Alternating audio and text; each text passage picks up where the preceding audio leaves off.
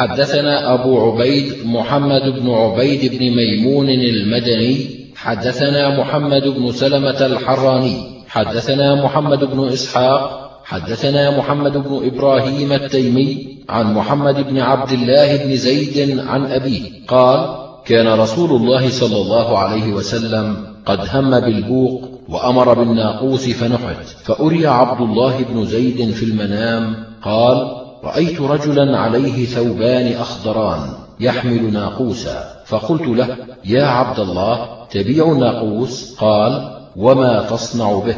قلت أنادي به إلى الصلاة. قال أفلا أدلك على خير من ذلك؟ قلت وما هو؟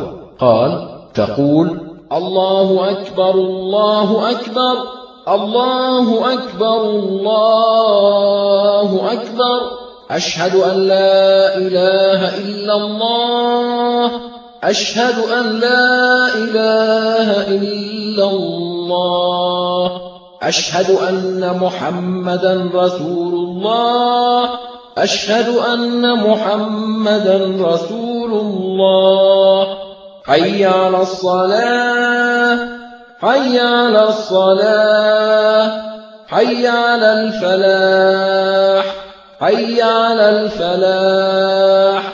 الله أكبر الله أكبر.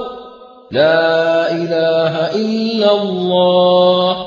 قال فخرج عبد الله بن زيد حتى أتى رسول الله صلى الله عليه وسلم فأخبره بما رأى. قال يا رسول الله رأيت رجلا عليه ثوبان أخضران يحمل ناقوسا فقص عليه الخبر. فقال رسول الله صلى الله عليه وسلم إن صاحبكم قد رأى رؤيا فاخرج مع بلال إلى المسجد فألقها عليه ولينادي بلال فإنه أندى صوتا منك. قال خرجت مع بلال إلى المسجد فجعلت ألقيها عليه وهو ينادي بها. قال فسمع عمر بن الخطاب بالصوت فخرج فقال يا رسول الله والله لقد رأيت مثل الذي رأى. قال أبو عبيد فأخبرني أبو بكر الحكمي أن عبد الله بن زيد الأنصاري قال في ذلك أحمد الله ذا الجلال وذا الإكرام حمدا على الأذان كثيرا. إذ أتاني به البشير من الله فأكرم به لدي بشيرا. في ليال والى بهن ثلاث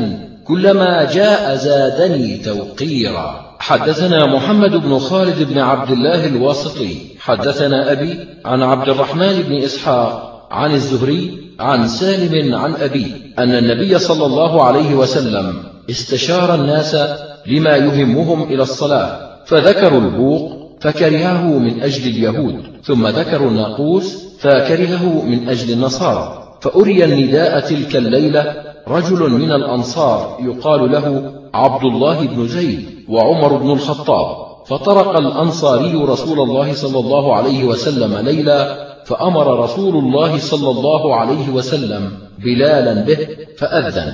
قال الزهري وزاد بلال في نداء صلاة الغداة الصلاة خير من النوم فأقرها رسول الله صلى الله عليه وسلم. قال عمر يا رسول الله قد رأيت مثل الذي رأى ولكنه سبقني حدثنا محمد بن بشار ومحمد بن يحيى. قالا حدثنا أبو عاصم أنبأنا ابن جريج أخبرني عبد العزيز بن عبد الملك بن أبي محذورة عن عبد الله بن محيريز وكان يتيما في حجر أبي محذورة بن معير حين جهزه إلى الشام. فقلت لأبي محذورة أي عم إني خارج إلى الشام وإني أسأل عن تأذينك فأخبرني أن أبا محذورة قال خرجت في نفر فكنا ببعض الطريق فأذن مؤذن رسول الله صلى الله عليه وسلم بالصلاة عند رسول الله صلى الله عليه وسلم. فسمعنا صوت المؤذن ونحن عنه متنكبون فصرخنا نحكيه نهزأ به. فسمع رسول الله صلى الله عليه وسلم فأرسل إلينا قوما فأقعدونا بين يديه. فقال أيكم الذي سمعت صوته قد ارتفع؟ فأشار إلي القوم كلهم وصدقوا. فأرسل كلهم وحبسني. وقال لي قم فأذن. فقمت ولا شيء أكره إلي من رسول الله صلى الله عليه وسلم ولا مما يأمرني به. فقمت بين يدي رسول الله صلى الله عليه وسلم فألقى علي رسول الله التأذين هو بنفسه. فقال قل الله أكبر الله أكبر الله أكبر الله أكبر. أشهد أن لا إله إلا الله. أشهد أن لا إله إلا الله. أشهد أن محمدا رسول الله. أشهد أن محمدا رسول الله. ثم قال لي ارفع من صوتك. أشهد أن لا إله إلا الله. أشهد أن لا إله إلا الله. أشهد أن محمدا رسول الله. أشهد أن محمدا رسول الله. حي على الصلاة. حي على الصلاة. حي على الفلاح. حي على الفلاح. الله أكبر الله أكبر.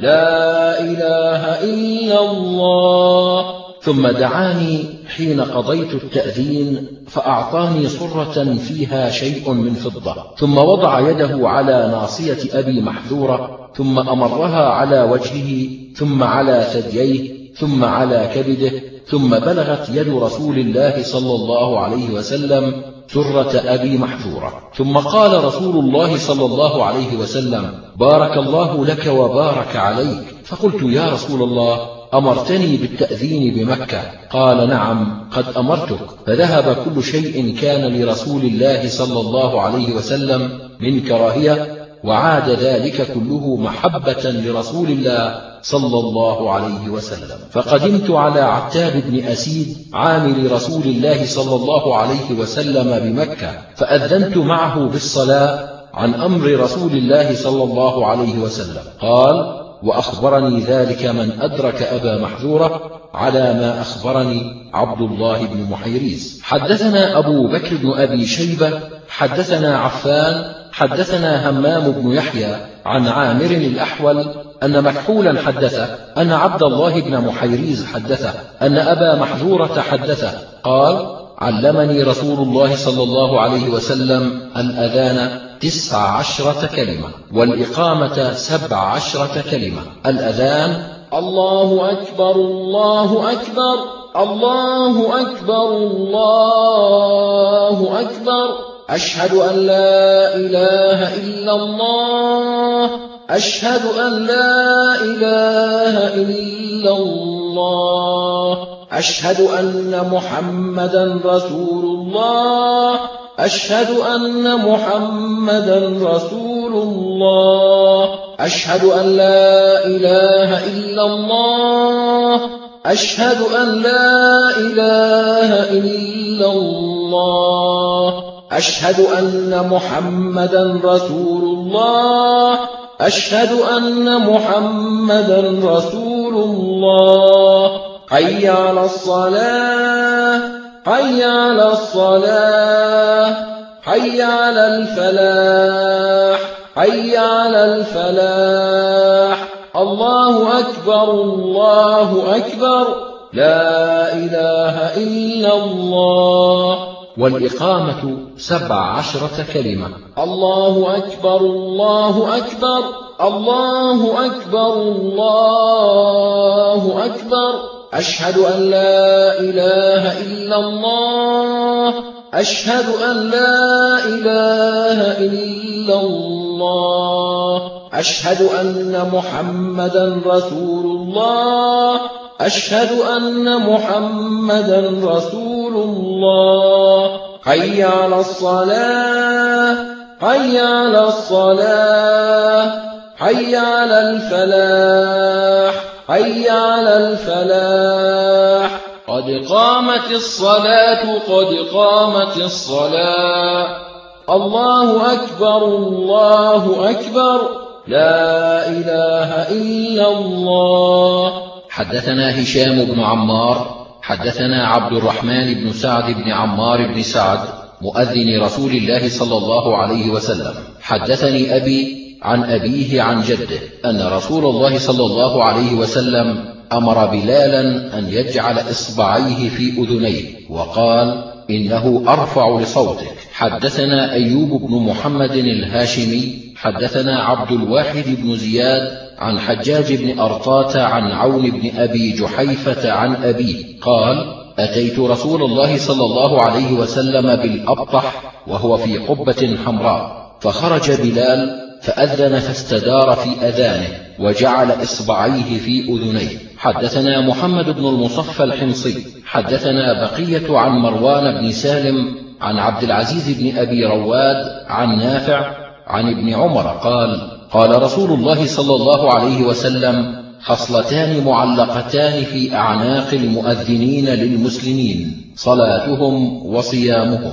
حدثنا محمد بن المثنى حدثنا أبو داود حدثنا شريك عن سماك بن حرب عن جابر بن سمرة قال كان بلال لا يؤخر الأذان عن الوقت وربما أخر الإقامة شيئا. حدثنا أبو بكر بن أبي شيبة حدثنا حفص بن غياث عن أشعث عن الحسن عن عثمان بن أبي العاص قال كان آخر ما عهد إلي النبي صلى الله عليه وسلم أن لا أتخذ مؤذنا يأخذ على الأذان أجرا. حدثنا أبو بكر بن أبي شيبة حدثنا محمد بن عبد الله الأسدي عن أبي إسرائيل عن الحكم عن عبد الرحمن بن أبي ليلى عن بلال قال أمرني رسول الله صلى الله عليه وسلم أن أثوب في الفجر ونهاني أن أثوب في العشاء. حدثنا عمر بن رافع حدثنا عبد الله بن المبارك عن معمر عن الزهري عن سعيد بن المسيب عن بلال أنه أتى النبي صلى الله عليه وسلم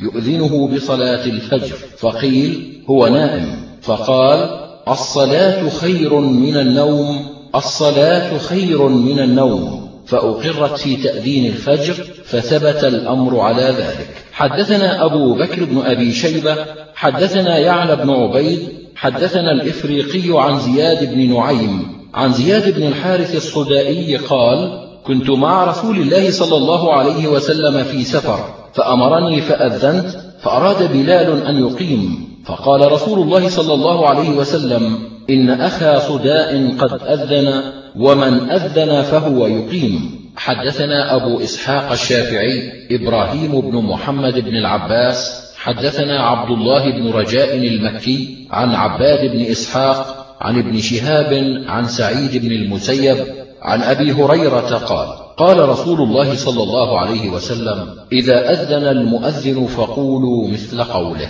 حدثنا شجاع بن مخلد أبو الفضل قال حدثنا هشيم أنبأنا أبو بشر عن أبي المليح بن أسامة عن عبد الله بن عتبة بن أبي سفيان حدثتني عمتي أم حبيبة أنها سمعت رسول الله صلى الله عليه وسلم يقول إذا كان عندها في يومها وليلتها فسمع المؤذن يؤذن قال كما يقول المؤذن. حدثنا أبو كريب وأبو بكر بن أبي شيبة قالا حدثنا زيد بن الحباب عن مالك بن أنس عن الزهري عن عطاء بن يزيد الليثي عن أبي سعيد الخدري قال قال رسول الله صلى الله عليه وسلم إذا سمعتم النداء فقولوا كما يقول المؤذن. حدثنا محمد بن رمح المصري أنبأنا الليث بن سعد عن الحكيم بن عبد الله بن قيس عن عامر بن سعد بن أبي وقاص عن سعد بن أبي وقاص عن رسول الله صلى الله عليه وسلم أنه قال من قال حين يسمع المؤذن وأنا أشهد أن لا إله إلا الله وحده لا شريك له وأشهد أن محمدا عبده ورسوله. رضيت بالله ربا وبالإسلام دينا وبمحمد نبيا غفر له ذنبه. حدثنا محمد بن يحيى والعباس بن الوليد الدمشقي ومحمد بن أبي الحسين. قالوا حدثنا علي بن عياش الألهاني حدثنا شعيب بن أبي حمزة عن محمد بن المنكدر عن جابر بن عبد الله. قال قال رسول الله صلى الله عليه وسلم من قال حين يسمع النداء اللهم رب هذه الدعوة التامة والصلاة القائمة آت محمدا الوسيلة والفضيلة وابعثه مقاما محمودا الذي وعدته إلا حلت له الشفاعة يوم القيامة. حدثنا محمد بن الصباح حدثنا سفيان بن عيينة عن عبد الله بن عبد الرحمن بن أبي صعصعة عن أبيه وكان أبوه في حجر أبي سعيد. قال قال لي أبو سعيد إذا كنت في البوادي فارفع صوتك بالأذان فإني سمعت رسول الله صلى الله عليه وسلم يقول لا يسمعه جن ولا إنس ولا شجر ولا حجر إلا شهد له. حدثنا أبو بكر بن أبي شيبة حدثنا شبابة حدثنا شعبة عن موسى بن أبي عثمان عن أبي يحيى عن أبي هريرة قال سمعت رسول الله صلى الله عليه وسلم يقول المؤذن يغفر له مدى صوته ويستغفر له كل رطب ويابس وشاهد الصلاة يكتب له خمس وعشرون حسنة ويكفر له ما بينهما. حدثنا محمد بن بشار وإسحاق بن منصور قالا حدثنا أبو عامر حدثنا سفيان حدثنا عثمان عن طلحة بن يحيى عن عيسى بن طلحة قال سمعت معاوية بن أبي سفيان قال قال رسول الله صلى الله عليه وسلم المؤذنون أطول الناس أعناقا يوم القيامة. حدثنا عثمان بن أبي شيبة حدثنا حسين بن عيسى أخو سليم القاري عن الحكم بن أبان عن عكرمة عن ابن عباس قال قال رسول الله صلى الله عليه وسلم ليؤذن لكم خياركم وليؤمكم قراؤكم. حدثنا أبو كريب حدثنا مختار بن غسان حدثنا حفص بن عمر الأزرق البرجمي عن جابر عن عكرمة عن ابن عباس وحدثنا روح بن الفرج حدثنا علي بن الحسن بن شقيق حدثنا أبو حمزة عن جابر عن عكرمة عن ابن عباس قال قال رسول الله صلى الله عليه وسلم من أذن محتسبا سبع سنين كتب الله له براءة من النار. حدثنا محمد بن يحيى والحسن بن علي الخلال قالا حدثنا عبد الله بن صالح حدثنا يحيى بن أيوب عن ابن جريج عن نافع عن ابن عمر أن رسول الله صلى الله عليه وسلم قال من أذن ثنتي عشرة سنة وجبت له الجنة وكتب له بتأذينه في كل يوم ستون حسنة ولكل إقامة ثلاثون حسنة. حدثنا عبد الله بن الجراح حدثنا المعتمر بن سليمان عن خالد الحذاء عن أبي قلابة عن أنس بن مالك قال التمسوا شيئا يؤذنون به علما للصلاة فأمر بلال أن يشفع الأذان ويوتر الإقامة. حدثنا نصر بن علي الجهطمي حدثنا عمر بن علي عن خالد الحذاء عن أبي قلابة عن أنس قال أمر بلال أن يشفع الأذان ويوتر الإقامة.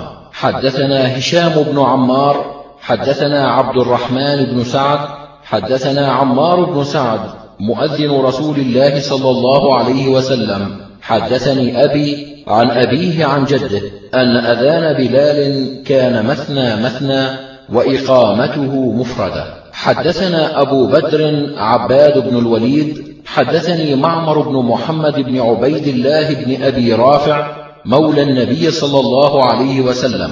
حدثني أبي محمد بن عبيد الله عن أبيه عبيد الله عن أبي رافع قال رأيت بلالا يؤذن بين يدي رسول الله صلى الله عليه وسلم مثنى مثنى ويقيم واحدة. حدثنا أبو بكر بن أبي شيبة حدثنا أبو الأحوص عن إبراهيم بن مهاجر عن أبي الشعثاء قال كنا قعودا في المسجد مع أبي هريرة فأذن المؤذن فقام رجل من المسجد يميس فأتبعه أبو هريرة بصرة حتى خرج من المسجد. فقال أبو هريرة أما هذا فقد عصى أبا القاسم صلى الله عليه وسلم. حدثنا حرملة بن يحيى حدثنا عبد الله بن وهب أنبأنا عبد الجبار بن عمر عن ابن أبي فروة عن محمد بن يوسف مولى عثمان بن عفان عن أبيه عن عثمان قال قال رسول الله صلى الله عليه وسلم من أدركه الأذان في المسجد ثم خرج لم يخرج لحاجة وهو لا يريد الرجعة فهو منافق.